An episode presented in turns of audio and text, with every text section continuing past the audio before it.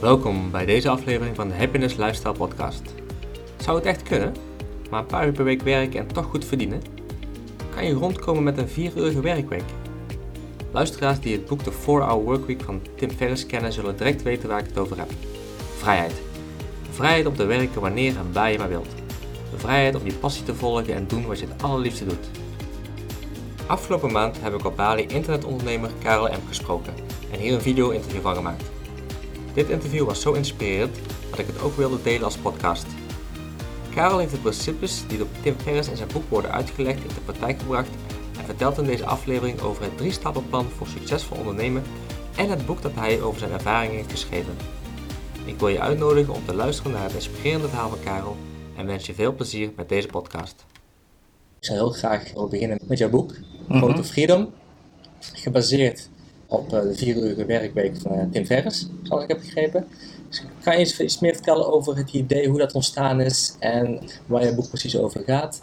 En ja, de, de weg die je, nou, die je hebt bewandeld met het schrijven van het boek.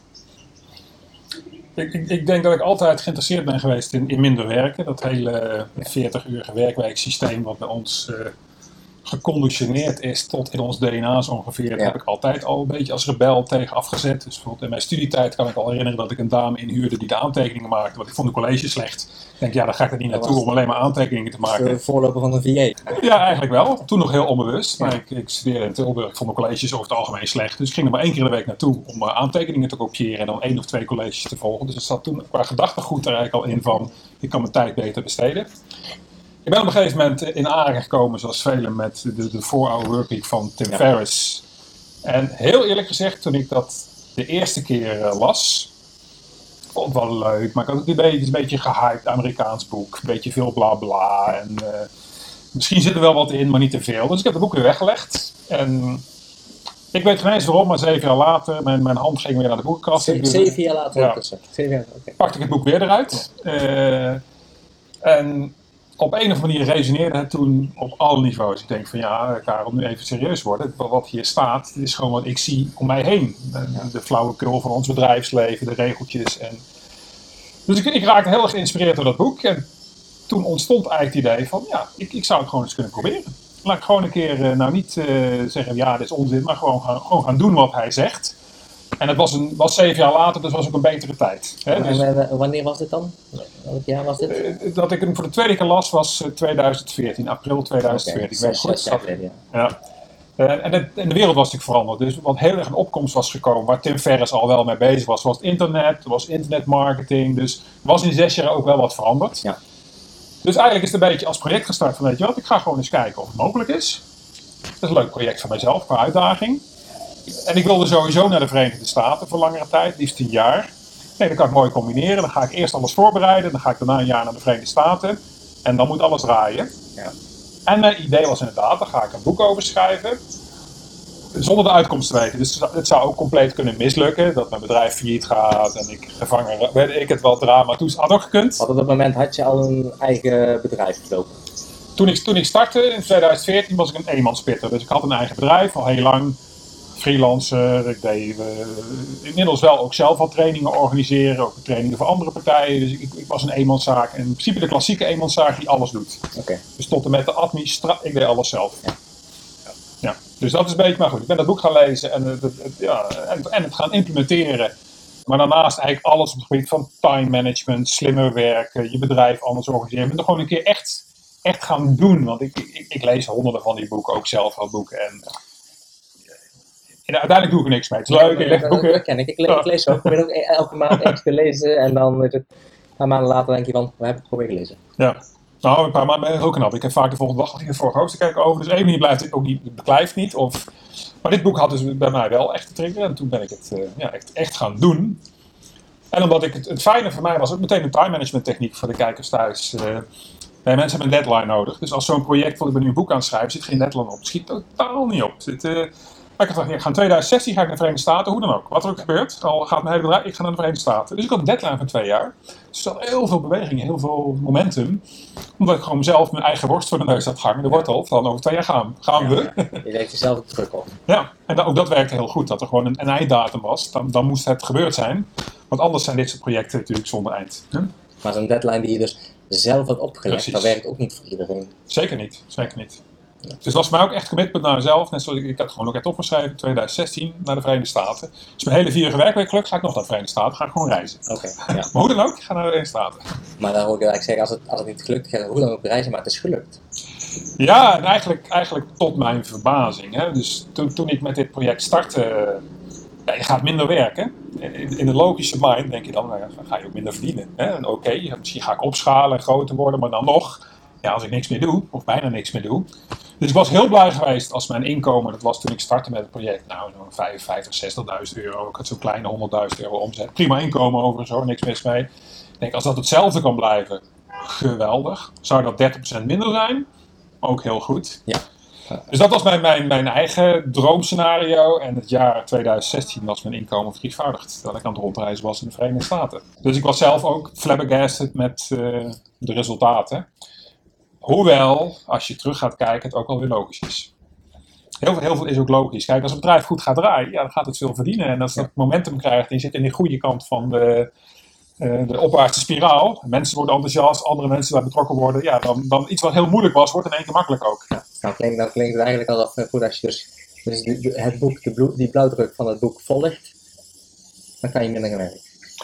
Absoluut. En sowieso zonder de, de, blauw- de blauwdruk van het boek ook, ook werknemers die kijken. Ik geloof, en dat is een hele radicale uitspraak, dat kenniswerkers, daar hoor ik zelf in met hoofdwerk, die kunnen de productiviteit verdubbelen. Alleen niemand krijgt cursussen om te e-mailen. Denk je, maar kan toch e-mailen? En het, is, het, is, het is één grote chaos als ik het e-mail verkeerd bekijk. Zelfs bij mijn team moet ik nog altijd sturen, jongens, geen groepsmails, iedereen gaat betrokken. Dit gaat, nee, niemand is verantwoordelijk, we, kunnen blijven. Dus, dus er is heel makkelijk productiviteitswinst te boeken en dus ook minder werken. Ja. Eh, sowieso voor mij, je hebt ook een kenniswerker van een stuk 40 uur, het hoofd is moe. Dus tenminste als ik 's middags drie uur aan, aan het werk was, ik was allemaal met onzin bezig. Ik ging naar websites toe waar waar ik eigenlijk niks deed. Of er- Herkenbaar. ja. Ja. Dus ik denk dat ook voor mensen die dit niet nastreven, dat is gewoon heel, dat hele 40 uur idee is gewoon iets wat ergens ingeplant is in ons brein. Wat niet per definitie goed voor de mens hoeft te zijn of noodzakelijk. Of, Nee, nee. Dan, dan hoor ik je net al zeggen, want jij legt ook uit en leert mensen wat de kracht van slimmer en effectiever werk is. ja. Ja. Wat, is wat is volgens jou dan de, kracht hiervan? met, met alles geldt, als je iets gaat leren, moet je, moet je erin geloven. Hè? Dus als je, dat is blijkbaar bij met jezelf boek. Ik, ik lees het, maar ja, ik geloof het niet helemaal. dat Het werkt voor mij. Of, dus met, met time management moet, moet je gewoon eh, eh, eerst kleine succesjes boeken, dat je momentum krijgt. Dus wat, wat ik vond als ik mensen die helemaal nieuw zijn met time management, ga eens een tool installeren waarbij je tekstfragmenten kunt automatiseren. Dat je bijvoorbeeld niet je e-mailadres gaat typen, maar bij mij bijvoorbeeld is KR, klapschuit, tot Karel, het Rote Freedom Ja. is totaal niet groot of boeiend. Maar ik heb al eens een keer ongeveer berekend dat het scheelt mij 10 minuten per dag. Door even dat toeltje te leren. Dat is al een week per jaar. Als je dat een werktijd is al een week per jaar. Een week extra vakantie. En dat is een toeltje dat kan je in een dag leren. Maar dan wil ik met momentum krijgen dat mensen voelen van ja, ik ben elke dag hetzelfde aan het doen. Dit kan ik bijvoorbeeld automatiseren. Dat bewustzijn is er geen eens. Zelfs niet bij automatiseren. Dus je moet ergens beginnen. En bij mij was het zo toen ik begon met mijn project. Ik kwam er heel toevallig weer, want daar ook als mijn vraagtekens bij, een cursus voorbij van iemand anders Amerikaan zei, je gaat er drie maanden in productiviteit verdubbelen bij mij. Gebeurt het niet, mag je geld terugvragen. Elke zin die die man eh, snijdt houdt. Het, was allemaal waar, het werkt allemaal. En, en dan wordt het leuk. Ja. Want dan zie je echt, hé, als ik dit ga doen, wauw, dit scheelt bij 10 minuten per dag. En dit scheelt bij een uur per dag. En wauw. Waar ik vroeger twee, twee weken bezig was met mijn- mijn belastingstukken voor te bereiden voor de accountant, doe ik dat nou in twee dagen. Dus er, er is heel veel te halen, maar het is geen sexy onderwerp. Nee. Time management interesseert mensen niet. Toen ik met die 4-hour werk, 4-hour working begin, oh, toen liepen de mensen met, met rijen vol binnen bij workshops. Time management is... Je bent, je bent workshops aan het geven over hoe je het hebt gedaan? Ik ben zelfs al workshops gegeven toen ik met de theorie bezig was. Dus toen ik, toen ik zelf aan het implementeren was, ben ik, al, ben ik al workshops gaan geven. En dat is een beetje vanuit de gedachte, ik ben trainer, dat je iets het beste leert door het andere te gaan leren. Dus doordat ik workshops ging geven, dwong ik mijzelf nog veel dieper in die materie. Niet alleen het Tim Ja. Ferriss boek te lezen, maar dan ook andere inzichten erbij te betrekken. Ook de zodat- sceptische Zodat je andere mensen de juiste kennis kunt, kunt Precies. overdragen, ja. Dus als, je, als je trainer wordt, leer je het zelf vaak daardoor zelf ook veel beter. Ja. Nee, ben ik met je eens. Ja. Hoe mooi is dat? Een brugje maken dan naar de training die je hier in Oebrug hebt gegeven. Is dat zo'n soort training? Een Ja. Training voor ondernemers? Ik heb eh, hier in Ubud een, een tweeweekse training gegeven. En dat is eigenlijk een beetje de, de bouwstenen van mijn vierurige werkweek. Of inmiddels is het eigenlijk een nuluurige werkweek. Want die vier is ook wel meer een nummertje. Uh, het klinkt heel ongeloofwaardig natuurlijk als je in loon niet zit. Maar ik heb gewoon een, een, een team dat nu, uh, een dream team wat heel goed werkt. Wat zelfvoorzienend is. Dat wij eigenlijk niet nodig heeft. Dus dan is een nuluurige werkweek zelfs ook mogelijk. Maar eigenlijk heb ik daar de, de bouwstenen. Kennen ze wel, je team? Nou, dat is, dat is een goede vraag. Dat is een grappige vraag. Er was vlak voor ik naar Ubud ging in december nog een kerstborrel. Die werd geïnitieerd door iemand anders binnen mijn bedrijf. En uh, ik moet bekennen dat daar zes trainers zijn aanwezig waren die ik nooit eerder had gezien. Nee. Omdat, ja, het is eigenlijk een, een, virtuele organisatie met freelancers. Dus er is geen kantoor waar we bij elkaar zitten. Nee. En ook trainers kunnen, de hoofdacademies kunnen bij andere trainers. Dus er waren zes mensen die ik nog niet kende. Ja, oké. Okay. Dat is ook niet nodig. Zolang hun hun werk doen en weten wat ze moeten doen en uh, daar gelukkig mee zijn en goed betaald krijgen. Ja. Het opzetten van dit, wat zijn dan, wat zijn dan de, de, de uitdagingen die je bent tegengekomen en hoe ben je die overkomen? Of is het alleen maar een smooth trip? Nee, to totaal niet. Kijk, uh, sowieso geloof ik dat ondernemers zijn eigenwijze mensen. Als je niet eigenwijs bent, dan ga je mee met de stroom. Dan ga je gewoon braaf bij een verzekeringskantoor uh, van 9 tot 5 werken tot je 67 is tegenwoordig. Dus er zijn vaak mensen die, die denken iets zelfs beter ik te kunnen. 70 misschien wel, als ik ja. een beetje met een beetje pech. Ja, precies. Het nadeel van nog jonger, nog jonger zijn dan ik. nee, maar het zijn eigenwijze mensen. Dus daar zit ook iets in, in je systeem dat je het zelf beter denkt te kunnen. En dat is ook de reden dat die, die zelfstandigen alles zelf gaan doen. Dus trek het weer, je ja. moet immer ze trekken het weer terug. Doe het zelf wel. En daardoor ben je gebonden aan alles. Want zelfs de, de, de stomzinnige dingen als kassabonnetjes inboeken was ik zelf aan het doen, één keer in de maand. Hè? Dus, dus voor mij was de, de grote worsteling van, van eenmanspitter, maar ja, toch gaan samenwerken met andere mensen. Ja. En ik was redelijk, redelijk vertrouwd met samenwerken met computers. Daar heb je soms wel gedoe mee dat de computer het niet doet, maar met mensen krijg ik veel meer toestanden die uh, worden ziek, die worden boos, die krijgen ander werk, die ja. worden mis... Emoties, ideeën, ja. heeft een andere visie. Ja, en dan moet je dus, wat ik van nature niet ben, iemand zijn die dat heel goed kan managen. Dus word je meer manager. Dus dat hele verhaal van eenmanspitter naar nu ja, zo'n zo 20 freelancers die rondlopen en de een doet heel erg veel, die draait eigenlijk op mij en de ander wat minder. Was voor mij een hele grote, maar ook een hele stressvolle tijd. Ja, ja. Het is natuurlijk ook, zoals ik het ervaar, toen ik ZCP begon, het heet niet voor niks zelfstandige zonder ja. personeel. En, en wordt vanaf door, door, iedereen, als je begint, wordt gezegd van je moet al die dingen zelf kunnen, je moet jezelf het aanleren. Trainingsprogramma's online worden erop, zijn erop gericht omdat je allemaal zelf leert. Dus je haalt je heel veel werk op je nek. Ja. Terwijl je eigenlijk al bezig bent met, ja, met je expertise. Ja.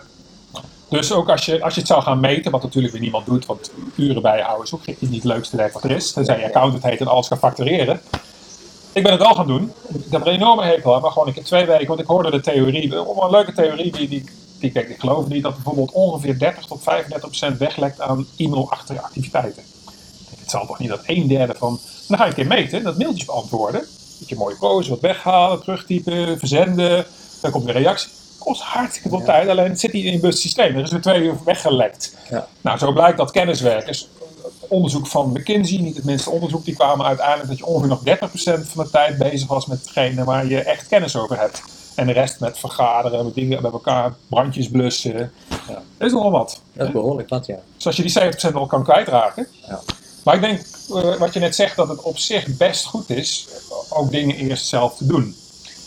Hè, dus doordat ik zelf training heb gegeven en uh, marketing heb gedaan, snap ik die processen een beetje. En als ik dan iemand anders dat laat doen, kan ik die veel beter aansturen dan uh, bijvoorbeeld als ik naar, naar, dokter ga en ik heb zelf ook geen idee wat de hand is, ja, dan ik heb daar geen enkele sturing meer in. En als je eerst zelf iets doet, snap je wel beter het proces. Dus ik, ik geloof niet zo in dat ze ook al die automatiseringstrekken die fout gaan. Dat zijn mensen die huren een automatiseerder in, maar die snappen automatisering niet. Dat gaat eigenlijk altijd fout. Ik ga iemand aansturen en snapt niet wat ze doen. Die, de andere partij die voert braaf uit en het wordt ja, maar dat is, dat, is de, dat is de andere kreet die heel veel hoort ook online. Dus zelfstandig zonder personeel is de ene. En de andere kant is van automatiseren, automatiseren, ja, automatiseren. Absoluut. En dat is mijn vak eigenlijk, dus dat vind ik ook het leuke stuk. Ja, maar is, is, is er daar een middenweg in? Of is het echt zo van, ja goed, je moet alles automatiseren? En wat zouden dan de voordelen daarvan zijn? Nee, nee, er zijn eigenlijk, en dat, dat, dat heb ik wel van Tim Ferriss uh, geleerd. Dat was uh, in zijn boek een beetje verstopt misschien, maar een, een drie-stappenplan. Voor, voor alles in je leven. Van, van, van koken tot op visite gaan, tot de, De eerste stap is elimineren. En uh, dat is ergens mee stoppen. En ook dat herken ik bij mezelf. Uh, stop heb ik een project geïnitieerd. Dat is een kindje. En het werkt eigenlijk niet. Het, het, en eigenlijk weet je ook dat het niet werkt. Maar het is je kindje, dus je blijft er maar tijd in steken. Ja. Dat is een beetje de 80-20 regel. Uh, dat je op een gegeven moment een keer gaat afstand nemen. Of desnoods een coach erbij haalt. Of een vriend die een keer zegt, Karel, waar ben je nou mee bezig? Kappen met dit project, want dit gaat niet meer worden. Nee. Nou, dat is een heel pijnlijk proces. En daar hebben je blinde vlekken in. Maar dus de eerste stap is stop met dingen. Gewoon dingen die, die niet werken. Die, uh, nou, dat, dat, is de eerste stap. Elimineren. Dus eigenlijk hoe, je dan, hoe ik gestart ben. Dat is ook een beetje van maak, maak een lijst met alles wat je doet. En ga eens kijken, zijn er dingen die ik door kan strepen? En dan moet je afstand kunnen nemen. Want je, zit, je, zit, je, bent, je bent zelf in je, in je eigen wereld. Afstand nemen, feedback vragen. Ja, soms ook een ander naar laten kijken. Uh, dus dat is stap 1. Nou, wat je dan overhoudt, en dat is stap 2, en dat is natuurlijk wel een vakgebied, waar een aantal mensen niet vrolijk van zullen worden, is gaan kijken wat kun je automatiseren. En tegenwoordig is dat heel veel. Dat is ook een beetje het vakgebied waar ik uitkom. Dus in mijn bedrijf, de, de automatisering is, is een schoonheid aan zich. Van mensen die zoeken bijvoorbeeld op, op, op Google naar cursus Excel. En van dat is alles geautomatiseerd. De advertentie in AdWords, de website waar ze binnenkomen, de gratis online training om een beetje warm te maken, de mail na twee weken om toch een keer een training te gaan doen. Ja. Alles. Tot en met de, de, betaling bij ABN AMRO. De enige reden dat er nog mensen tussen zitten is dat... Voor veel mensen is dat nog wel zoiets van inderdaad een eng begrip. Automatiseren, alles uit handen geven. Hoe werkt dat? De technische kant. Moet ik, moet ik veel van al die technische dingen afweten? Ja, en dat begrijp ik ook heel goed. Want het is ook echt een vakgebied. En je moet snappen en weten wat kan. Dus als je dat niet hebt, dan, dan zijn er twee routes. Misschien wel drie routes. Of je gaat het zelf leren. Nou, dat is voor veel mensen zit het niet in hun DNA. Of je moet iemand vinden die het goed is. Die het goed kan doen. Hè? Net zoals ik ook dingen niet goed ben. Uh, maar wel mensen weten vinden die er wel goed in zijn. Dus, uh, dus als je iemand aan je, en ook in mijn bedrijf, dat is denk ik vrij uniek. Iedereen zit in een soort winstdelingssysteem. Tot en met de dame administratie toe, die deelt gewoon een resultaat. Uh, dus als iedereen doet waar je goed in is en iedereen heeft eigenlijk hetzelfde belang. ja, maar, maar automatiseren, ja, of uitbesteden, of, of zelf leren. Bij mij is het ook een combinatie. Het is, zo'n groot vakgebied. Een deel heb, heb ik zelf redelijk opgetuigd. Maar we hebben een hele eigen database laten bouwen met een internetwebsite erachter. We hebben heel veel websites. Ja, daar zit een programmeur. Die heb ik ingehuurd. Hè? Ja. ja. Maar dat is eigenlijk de tweede stap, automatiseren. Maar niet alles is te automatiseren. En dan komt de derde stap en dat is delegeren. Dingen die, die uh, daar, daar zijn ook hele mooie regeltjes voor en die, die zijn chockerend. Nou, ze zijn ook heel logisch, want alles wat je niet leuk vindt, moet je delegeren. Ja, ja dat eh, herken ik. Ja, want wat gebeurt er als je iets niet leuk vindt? Dan ben je niet gemotiveerd en je gaat het ook niet goed doen. Nee, je bent er vaak niet zo goed in, je gaat het uitstellen, het kost heel veel energie. Ja. Dus alles, alles wat je niet leuk vindt, moet je uitbesteden. Nou, veel mensen die, die hebben daar een slecht gevoel bij. Ik vind het schoonmaak niet zo leuk. En dan denk ik van ja, maar dat vind ik een beetje lullig als ik die arme vrouw dat, mijn huis laat schoonmaken. Ja. Terwijl dat helemaal niet waar is. Met mijn werkster die zegt van heerlijk bij jou, ben ik even uit mijn huis. En lekker bij jou, even kletsen. Lekker soppen. Dus, dus, dus, dus, dus eigen gedachte dat andere mensen dat ook niet leuk vinden. Dat is al de eerste denkfout. Nou, het tweede wat je moet uitbesteden is waar je niet goed in bent. Ook dat klinkt als een open deur. Maar al die ZZP'ers, die zie ik hun eigen website gaan bouwen. En ze komen soms gedrocht. Dat zijn geen grafische ontwerpers. Het ziet er niet netjes uit. Of ze hebben een schabloon wat te duidelijk is. Ja. Dus alles waar je goed in bent, uh, uitbesteden. Is ook hartstikke logisch. En de, derde regel is, de regels zijn heel simpel, de uitvoering niet, is uh, alles wat een ander goedkoper kan. En die is moeilijker, maar dat is gewoon economie. Uh, stel je bent coach en je vraagt 50 euro per uur. En je kan een boekhouder inhuren voor 30 euro per uur. Dan moet die de boekhouder doen en dan moet jij gaan coachen. En nou weet ik al, als je hersenen slim zijn, ga je honderden redenen verzinnen waarom. Ja, maar ik heb geen geld om uit, te besteden, want dat kost mij geld, dus ik doe het zelf maar. Ja dan kom je in een vicieuze cirkel natuurlijk. Hè? Want dan ben ik mijn huis weer aan het schoonmaken. En daarna uh, dat zijn allemaal dingen bezig. En waar heel veel ZZP'ers in vast Ja, in de cirkel. Ja. Dus delegeren is de derde stap. En dat is eigenlijk mijn, mijn blauwdruk naar meer productiviteit. Dus stop met alle onzin, dat is heel moeilijk. Automatiseren wat je kunt automatiseren. En delegeren alles uh, wat aan die drie regels voldoet. En dat kan uiteindelijk alles zijn. Ja. dus ik ben een beetje, misschien merk je dat in eerste gesprek, een beetje uit, uit de hele bedrijfswereld gestapt. Dus ik heb nu alles gedelegeerd. Ik heb nog wat managementrapportages en ik stuur nog wat mailtjes, maar ik ben eruit. Hè? Ja. Dus een vier uur werkweek is voor jou naar een nul uur. Uh, zou, zou kunnen. Zou Kijk, ik bemoei me nog wel ermee. En ik, omdat ik een goede automatiseerder ben, heb ik overal overzichten van wat er gaande is. En als ik dan ergens zie dat het uit de klauwen loopt, dan stuur ik wel weer een berichtje. Maar als ik het niet zou doen. Naar één persoon of naar het hele, hele team? Nou, meerdere mensen zijn. De, de, de een doet de boekhouding, de ander de marketing, dan heb je trainers. Dus ik, eh, Dus eh, ze horen wel van Karel af en toe. ja, of ik word ooit nog wel eens, ook dat hebben ze heel goed geleerd. In het begin was bij elke belangrijke vraag stond ik in een CC, ik gewoon zeggen, nee jongens, eh, ik hoef niet meer te groeien, ik heb geld genoeg. Willen jullie groeien? Prima, maar zonder mij. Ja. Nou, als, als er meer dan 10.000 euro geïnvesteerd gaat worden in iets nieuws, dan wil ik wel eventjes... eh, Ja. Maar anders doe het zelf. En ook dat, zo- zo'n zo'n uitspraak werkt heel goed. Ik nu merk dat ik veel minder Ja. betrokken word. Dan zeg ik van, hé, hey, is dit gaande? Ik weet er niks van. Je mensen vertrouwen. Ja. ja. Dus- Maar ook duidelijkheid van, eh, eh, ook, ook een beetje van Tim Ferriss geleerd. Heel de cultuur in Nederland ook. Als je een bakje pennen koopt, moet dat ge geaffiliateerd worden door een manager of zo. Nee, ik heb ook gewoon een regel bij mensen. Is er een probleem en je kunt het zelf oplossen onder de 250 euro. De, weet ik, de beamer is kapot. Regel het. Ja. En ga niet lopen mailen en doen van, nou dat is een makkelijke regel. Ja. Het scheelt er heel veel gemail en gedoe. Dus dat soort dingen. Dus dat is heel, er is heel veel te halen op dit gebied. Het is, eh, alleen de, de reden is waarom zou je het doen. En is dit dan waar rood of vier over gaat? Of is het meer een persoonlijk proces wat je daarin beschrijft? Nou, dit, dit, proces, eh to Freedom, heeft eigenlijk twee delen. Het eerste deel is eigenlijk dit stuk. Gewoon van, dit is mijn startsituatie geweest. Dit zijn mijn nieuwe inzichten. Ik ga ze testen, ik ga ze implementeren en kijken wat er gebeurt. En daar zitten successen tussen, daar zitten struggles tussen. eh, Zoals conflicten met een nieuwe trainer waar ik afscheid van moest nemen. Wat voor mij heel veel eh, stress geeft. Ehm, eh, het tweede deel is meer mijn reis in de Verenigde Staten. Dan was ik was een beetje een reisverhaal, maar ook een beetje van eh, nog op afstand af en toe kijken hoe, hoe je bedrijf draait. eh. maar eigenlijk, dit, proces zit erin. En voor, voor de mensen die hier naar luisteren, wat- veel mensen vergeten, is dat mijn startsituatie, ik had al een bedrijf aan het draaien. Ik had bijna 100.000 euro omzet. Heel, veel, heel veel mensen die mijn workshop via werkweek kwamen, ja, daar waren, ik, ik hou er ook van, hè, van dromers die zeggen van ja, ik, ik werk bij een baas, ik baal ervan en ik wil eigenlijk iets met muziek gaan doen voor mezelf. Kun jij me daarmee helpen? Iets met muziek gaan doen voor mezelf en een vierige werkweek? Dat weet ik ook niet. dus er is eigenlijk er is nog niks. Dus je zult toch eerst iets moeten bouwen waarop je Ja. verder kunt bouwen. Je moet iets hebben wat werkt. Wat dat logisch, had ik wat al. logisch is. Ja, wat logisch is. Maar veel mensen willen eigenlijk de shortcut. Ja, oké. En dat, dat werkt niet. Ik, ik ken het wel? niet. Nee. Ik ken het niet. Misschien dat je... Of uit een, dat was je nieuwe boek. Als je die ontdekt hebt, dan uh, of een bestseller. Er er zijn altijd shortcuts, maar ik, ik geloof dat dat geluk is. Dus had je bijvoorbeeld vijf jaar geleden bitcoin gekocht voor groot geld, ja, dan was je ook miljonair geweest. Ja.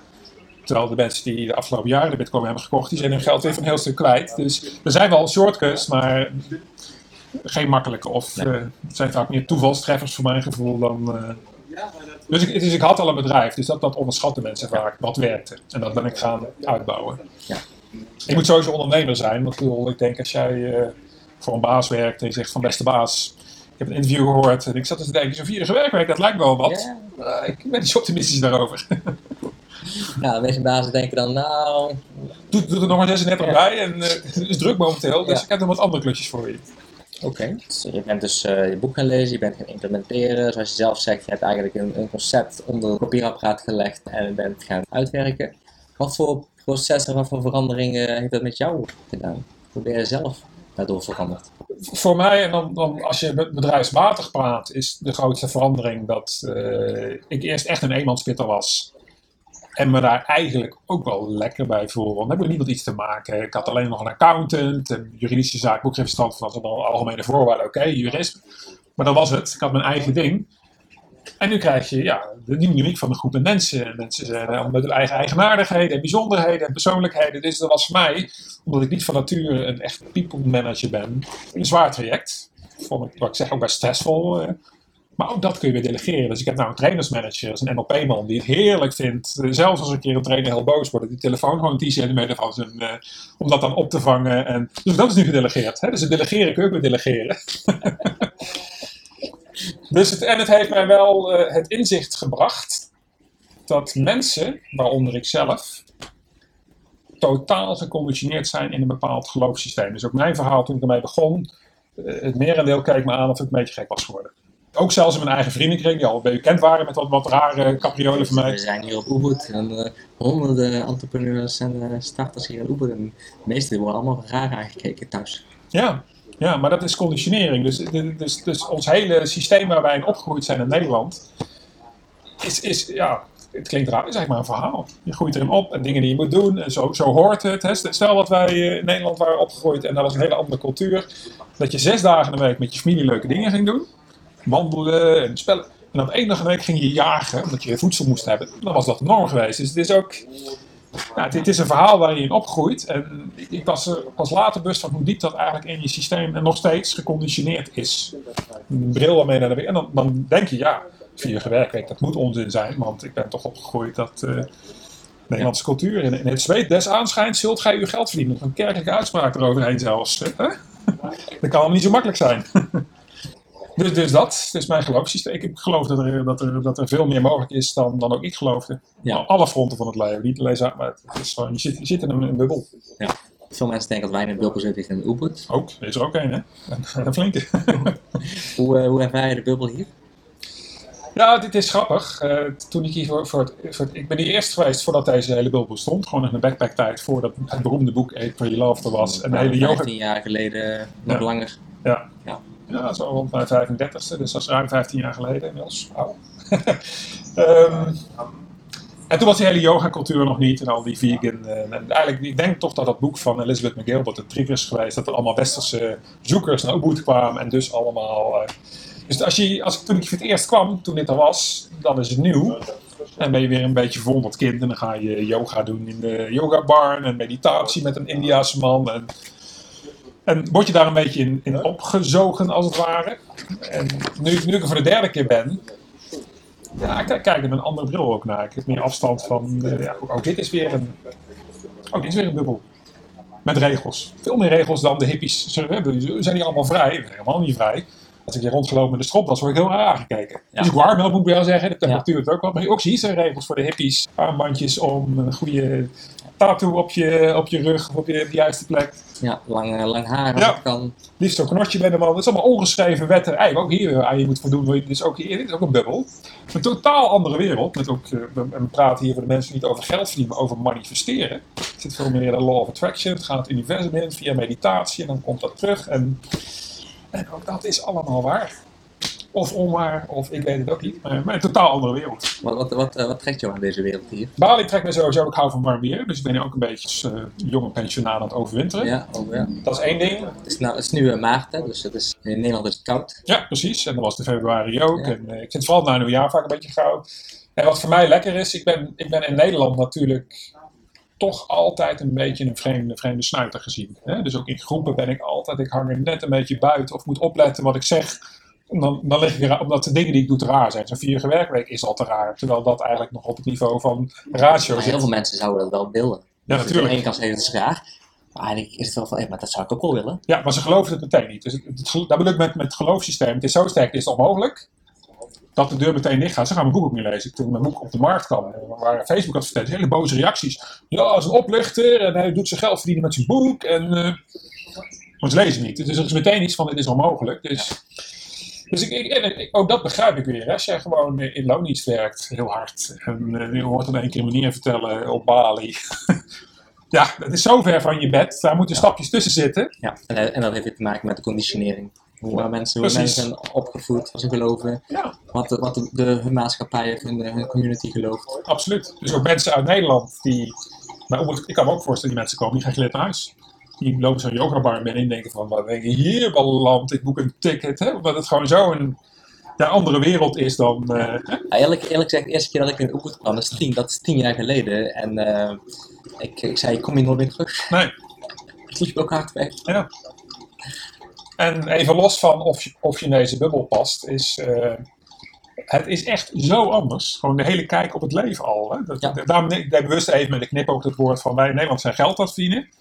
En hier zit ik overal manifestatiecursussen, law of attraction. En Hier wordt geld gemanifesteerd. Ja, maar dat is een ander- andere benadering. Ja. Dat betekent niet dat je naar kantoor hoeft te rennen, maar dat je een goede, een goede visualisatie, een vision board heb je nodig. Ja, en ik, Maar kosmos zit een geloofssysteem achter. Dat ik het- kan me net voorstellen dat voor veel mensen dat thuis in Nederland raar klinkt en onwerkelijk. ja, het is een brug te ver en het, het correspondeert niet met het geloofssysteem. Eh, en het geloofssysteem is belangrijker dan je denkt. Dat heb ik mezelf ook geleerd. Dat je de neiging hebt, alles wat van je eigen geloof afwijkt. Hè? En dat werkt zelfs op heel praktisch niveau. Laten we Amerikanen toch als voorbeeld pakken. Als je voor Trump bent, dan alles wat, wat tegen Trump ingaat, dat, dat, dat hoor je niet en dat zie je niet. En dat wordt ook uitgefilterd door sociale media. Maar ook andersom. Ben jij eh, Ja. denkt van die Trump- is de grootste gek die we op deze planeet ooit hebben gehad en zo vaar. Ja, dan zie je elke ochtend op Facebook de Daily Show Ik voorbij krijg, komen. eh, ik krijg geen pro-Trump. eh, Ik ook niet. Ik ook niet. krijg elke dag wel grappen, want ik volg dat een beetje. Noah ja, precies. en, ja. Dat, lijkt bijna gewoon niet meer een Daily Show, maar de, de, de, de Trump-bashing show. Elke dag is... Maar dat is selectief. Dus als jij in die andere bubbel zou zitten, zie je dat niet. Nee, klopt. Dus je wordt bevestigd in je eigen... Ja. En dus wordt het heel moeilijk om daar weer uit te stappen als de stap groot is. Denk jij, denk jij dat dat gaat veranderen? Weet ik niet. Ik denk, ik denk het niet eigenlijk. Ik denk dat wij gewoon opgroeien in bubbels. Ik heb bijvoorbeeld bij een boek ook zinnetjes van... eh, het boek ik nu aan het schrijven ben... Ja, waarschijnlijk zal mijn boek niet zo populair zijn bij de Aboriginal community in Australië. En ook niet bij de trekkende nomaden in Kazachstan. Omdat die mensen zo'n ander systeem hebben... dat mijn hele manier van denken al niet aansluit. Zo'n boek... ook- Dus, Heb je, heb je al een titel voor je nieuwe boek? eh, de, de titel is al lang. Dat is Road to Wonderland. Road to Wonderland. Ja. Oké. En daar past Ubuntu voor mij eh, prima bij. Er gebeuren ook, ook allerlei dingen die... eh, in ieder geval van- vanuit mijn oude Nederlandse perspectief redelijk eh, verwonderlijk zijn. Maar Waar, waar gaat het boek over? Nou, het, het grootste thema is, is eigenlijk bubbels en, en daaruit stappen. En ik, ik had al lang gezien dat er buiten mijn bubbel van alles gaande was. En als, en als met je bubbel is iets anders dan je comfortzone. Nou, dat heeft wel met elkaar te maken. De bubbel definieer ik gewoon is alles wat erin gestopt is. Je wordt geboren, je wordt in Tilburg, hoe was het? Tilburg, ja. Je wordt opgevoed door je ouders. Dan ben je een blanco sheet, dat gaat erin. Dan ga je naar school. Dan zijn de deskundigen vertellen je hoe het zit. Dan moet je gaan... En dus wat de media je vertelt, wat je vrienden je leren in de kroeg. Het is allemaal input, je eerste vriendinnetje. ja En dat vormt- je wordt fan van Willem II, omdat dat de club is in je stad. Uiteraard. Hè? En dan is eh, het is geweldig als die PSV weer een keer En verslaan. als ik dan, als ik dan besluit dat ik eh, fan word van Ajax, dan kijken mijn vrienden me raar aan. Ja, heel raar.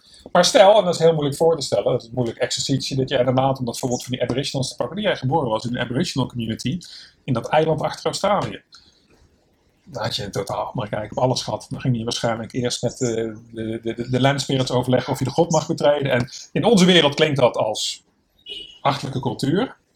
En ik denk als je daar bent, dat dat, eh, dat is ook bij een ervaring als je erin gaat stappen. Nou, En ben je dat ook aan het doen? Ben je ook een bepaalde, eh, je bent dan aan- deze bubbel hier, ben je ook andere bubbels aan het uitproberen om te kijken hoe het is in die bubbel? Ja, dus ik heb, ik heb altijd de neiging gehad, en nog wel om de waarnemer te spelen. Dus iets van een afstandje te bekijken en eh, te beoordelen. Ik kan wel chocola eten gaan beoordelen, maar dan weet je niet wat chocola is. Dat moet je proeven, hè? Ja. Moet je eten. Nee, nee, klopt. Dat geldt ook met dit soort dingen. Uiteindelijk moet je ze ervaren. Dus ik heb de afgelopen twee jaar heel veel dingen opgezocht die buiten mijn bubbel lagen, buiten mijn comfortzone, waar ik wel nieuwsgierig naar was. Gewoon te kijken wat gebeurt er bij mij. En dat was ook een, eh, een goede les. Dat, dat, dat het wereldje waar ik vandaan kwam is gewoon eh, Klein. Een piepklein puzzelstukje van. eh, ik, ik, weet mensen ook dat ik niks weet. Het is, eh, het, is, het is een verhaal en meer is het niet. En heel veel dingen zijn, zijn ook waar als je erin gaat. Hè? Dus dingen die, die onwaar lijken van mijn oude perspectief. eh, om bijvoorbeeld voor de kijkers te denken: wat, is het voor vaag verhaal? Denk ik, ik, heb, ik heb een Kundalini-activatie gedaan in Byron Bay in Australië. Ik wist niet wat het was. Ik vond het vaag op YouTube. Ik was zo nieuwsgierig. Nou, flabbergasted. Ik heb een uur lopen shaken en twee dagen later was ik vegetariër. Mijn lichaam had geen vlees meer. Over dat er iets gebeurt. Nou, mooi zo. Ja, dus er gebeurt van alles. Dus, dus het bestaat ook allemaal. En dat was eigenlijk ook een beetje mijn, mijn, mijn idee wel. Van het, het kan niet zo zijn dat, ik noem maar een flauw voorbeeld, die, of nog geen zo flauw voorbeeld, dat, dat er honderdduizend boeken geschreven zijn over astrologie en dat het één grote flauwekul is. Dan denk ik, wie, wie, wie schrijft al die boeken? Zijn het allemaal psychiatrische patiënten die de war raken, die wat sterren zien? En nee, er is een systeem, er is een theorie, er is zelfs een soort wetenschap achter. Dus het feit dat al die boeken er al zijn, zegt er op zijn minst dat er iets te halen valt. Ja. Laat ik het zo zeggen. Ja, in ieder geval het onderzoek waard is om in ieder geval eh, in te verdiepen. En eh, in plaats van te zeggen van, hé, hey, ik ken het niet, dus het bestaat niet. Ja, en dat is eigenlijk, de boer niet kent. ja, dat is eigenlijk de standaardhouding. hè. Dat zo'n vierige werkweek. Van, dat klinkt raar, de deuren gaan dicht, die mind gaat dicht. Ja. Zo'n boek gaan we niet lezen, want die, die kijkt dus een beetje van hem af. Ja. En dat, dat is denk ik het natuurlijke systeem wat, wat, wat je ophoudt als mens als je opgroeit. Zo, zo werkt de wereld. En eh, dat is ook prettig, want dan weet je een beetje hoe de wereld werkt. Dan denk je te snappen. Daar ben ik al even uitgeraakt de afgelopen twee jaar. Ik denk, ik snap er helemaal niks meer van. Wat zijn je plannen voor dit jaar? Open. Ik ben, ik ben nog altijd het boek aan het schrijven, maar dat gaat heel moeizaam. Het is een struggle. Want ik het eh, eigenlijk. eh, ik heb er eh, er meer mensen al over gesproken dat ik, dat ik het onderwerp te heftig vind om naar Nederland te brengen zelfs. Zo, zover gaat het. Oké. Maar ik denk van ja, als dit gaat brengen, dit, hier, kan, kan niet meer aankomen. Zo'n vierige werkweek lag al bij een grote groep gevoeligen. Hier kan ik echt niet meer aankomen. Aan de andere kant, ja, als, je, als, je, als ik mijn ervaring ga censureren, dan heb ik ook het idee van ja, dan, dan ben ik ook slap het maken. Mhm.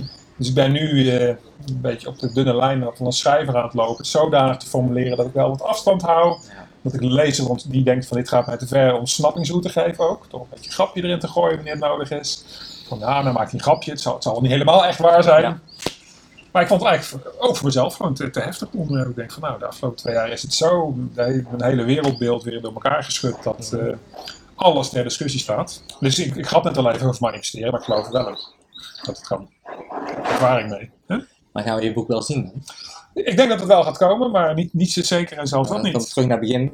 Eigenlijk je dus zelf een doel, Een deadline. Ja, en die, die is er momenteel niet. En dat komt ook omdat, het, eh, kijk, eh, sommige projecten vierige werkweek, daar zat flow in, daar zat momentum in. En hier is heel veel tegenwinddruk, vooral ook in mijn eigen mind. Dat het moeilijk, ik kan nu wel zeggen, ja, nou moet het einde van het jaar klaar zijn. Maar ik ben zelf ook nog processen in mijn eigen systeem aan het verwerken, die misschien eerst moeten gebeuren voordat zo'n boek er kan komen. Ja, dat is ook een heel eigen, een, een, eigen, een eigen proces waar je zelf doorheen gaat. Ja. Ontwikkeling voor jezelf. Ja, en voor mij is dit, dit, dit tweede proces vele malen groter uit mijn comfortzone dan time management implementeren en e- e-mail marketing eh, systemen maken. Dat is mij gewoon nog logisch. hè? dus ik ben eigenlijk, eigenlijk ook wel weer, een- weer en dat heb ik al vaker in mijn leven, maar dan heb je natuurlijk veel mensen hier, een beetje zoekend van. Ja, de grote vraag, wat, wat wil ik later worden als ik groot ben? En ik ben al behoorlijk groot aan het worden, dus ik weet, ik weet het ook echt niet zo goed. Wat ik wel anders zou doen, is het boek even laten lopen van, nou, laat maar zitten. En wat dan? Ik hoef niet meer te werken voor het geld. Geld scheelt, ik heb tijd. Ideaal, prachtig zwembad hier. Nou ja, om dan de hele dag in te gaan liggen. Ook een beetje saai, hè?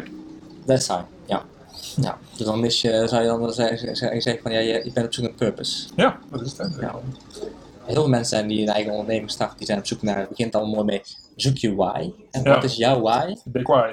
De big why, maar die heb, die heb jij in principe gevonden. Ja, daarmee heb je... Tijdelijk, hè? Dus mijn, mijn, mijn, Tijdelijk. mijn why was tijdelijk op zoek naar vrijheid. Ja, die heb je gevonden. En En- nu je nieuwe. Ja, dus dan, dat is een beetje de conclusie. Als je je eind- eindbestemming bereikt, dan heb je weer een nieuw probleem. Dus de reis naar de bestemming toe, dan ben je bezig, maar dan ben je op je eindbestemming. Dan ben je, ja, oké, ik heb tijd, ik heb geld. Want er zijn we van tevoren ook inderdaad in het boek van Tim Ferriss kwam ook een stukje dat daarover ging. De void. De void. hoofdstuk, ja, letterlijk. En dat proces herken ik helemaal letterlijk. Nu, de eerste keer lees je eroverheen, maar dat je inderdaad te veel tijd krijgt zonder zinvolle invulling. En dan ga je tijd rekken, laat ontbijten, en hè, dat doe ik ook hier. Maar je gaat ook heel veel nadenken over vragen waar die uit gaat komen. Van, ja, wat is nou eigenlijk de zin van dit leven? Wat is het, wat is het eigenlijk allemaal? En die ben ik. En dat zijn vragen. En zolang je maar heel druk bent, kom je niet naartoe. Nee, nee. Maar als je te veel tijd krijgt, Ja, als je 40 uur per week werkt of 50, dan... en kinderen naar school brengen en sporten en eh, alles. En Willem II. En eh, als je die tijd in, en, nou, daar kom, kom je over het algemeen niet uit. Er zijn de grootste filosofen ter wereld die uitgekomen. Er zijn heel veel theorieën, dat wel. Ja. Waar je dan ook in kan verdrinken. Hè? Want die zegt dit en die zegt dat. En, en ik weet het niet. Dus eh, Nee, dus wordt een mooie ontdekkingsreis dit jaar nog. ik hoop het. Ik hoop het. Ik hoop dat we, of, het, of het boek momentum krijgt, dat dat alsnog iets wordt. Of dat er eh, zomaar iets nieuws voorbij komt. Dat kan ook zomaar gebeuren in het leven. Dat je iemand tegenkomt en in één keer... eh, of een hele mooie vrouw die in één keer verleidt om nog eh, weer afleiding te hebben voor een jaar of twee. Hè? Ja, maar goed, het is wel natuurlijk met, met mensen ontmoeten hier in Bali en een, een mooie vrouw, waarschijnlijk uit een andere bubbel, heb je meteen weer een, een- een moment om iets nieuws Dus. te leren, in te duiken. Ik moet zeggen, ik heb het zelf ook, ik ben getrouwd met een Australische, dus ik weet alles van eh, hoe het is eh, om in een andere cultuur ja, in te stappen. En dan Ja. staat de Australische cultuur dichtbij. nou, dichtbij de Ja. Nederlandse cultuur.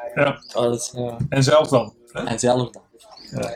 Tot slot, wat zou je mensen die naar zo'n lifestyle als jou nastreven, als tip mee willen geven? Of willen adviseren? To- toch, toch ondernemer worden. Dat is dan, eh, dan ben je eigen baas en dan kan je zelf je agenda gaan bepalen. En eh, stap 1 is denk ik toch eh, dat je iets moet vinden. Klinkt een beetje lullig waar je geld mee moet gaan verdienen. Hè, dat is toch iets. Ja, dat is. Ja, en Dat is het is ook iets wat je leuk vindt. Want als je, als je iets, iets doet waar, waar je wel geld mee verdient, maar helemaal gelukkig van wordt, is dat ook weer niet. Ja, maar ik heb het idee, als ik bijvoorbeeld hier op, op, op moet Bali, zijn heel veel digital nomads. Dat zijn mensen die het leuk om op andere plekken te werken en te reizen. En merendeel weet ik van een Nederlandse journalist die onderzoek gedaan, niet zoveel verdienen over het algemeen. Dat is ook allemaal een beetje, het is, heel goedkoop in Bali, dus kunnen ze overleven. Maar ze lijken wel redelijk happy toch in hun... Hè, dus het kan, kan prima zijn eh, om eerst iets te gaan bouwen waarvan je het leuk vindt om aan te bouwen. Ja. En als het eenmaal draait, dan zou je bijvoorbeeld mijn boek in of Tim Ferriss of zijn er al meer. Ik denk dat van 90% 90% van de digital nomads hier op Bali boek uh, Tim Ferriss op het nachtkastje Ja, dat is een bijbel. Dat is een beetje Ja, een bijbel. de bijbel, de, ja. de, de Digital bij, Dat bijbel. is en zo zijn, er, zo zijn er heel veel andere boeken die soortgelijk zijn. Nou, ik heb een Kindle, dus ik heb Ja, het is allemaal in één. Maar Ja. het is inderdaad een uh, Tim Ferriss is wel een bijbel. Maar ik denk dat een grote freedom, freedom zou ook in principe dan een mooie aanvulling zijn op die, eh, ja, op al die boeken. Zeker. En dat is ook de reden dat ik eh, met die workshop hier gedaan heb. Ik heb vorig jaar een workshop bij Outpost gegeven. Op de Digital Moments gericht. En die peilde ook uit met mensen betrapt. Dus het onderwerp spreekt heel erg aan.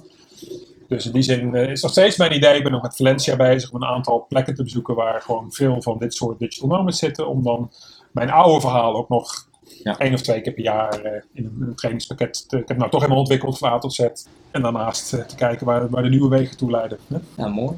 Dus dat. Dankjewel. Ik vond het leuk om, eh, om je verhaal Ja. te horen. En Ja. ik hoop eh, de mensen, eh, mensen thuis ook. Ja, dat hoop ik ook. Hè? Ik denk dat er wel een aantal leerpunten uit te halen zijn voor mensen. Top, dankjewel. Dan zwaaien we nog even naar de kijkers thuis. Hè? Dadi. Dankjewel voor het luisteren naar deze aflevering van de Happiness Lifestyle Podcast. Deze podcast gaat over persoonlijke ontwikkeling, mindfulness, meditatie, maar ook over geld en geluk, passief inkomen en de law of attraction. Als jij wilt ontdekken hoe je meer vrijheid kan creëren en een impact kan maken in de wereld door je passie te volgen, dan nodig ik je uit om je te abonneren op mijn podcast.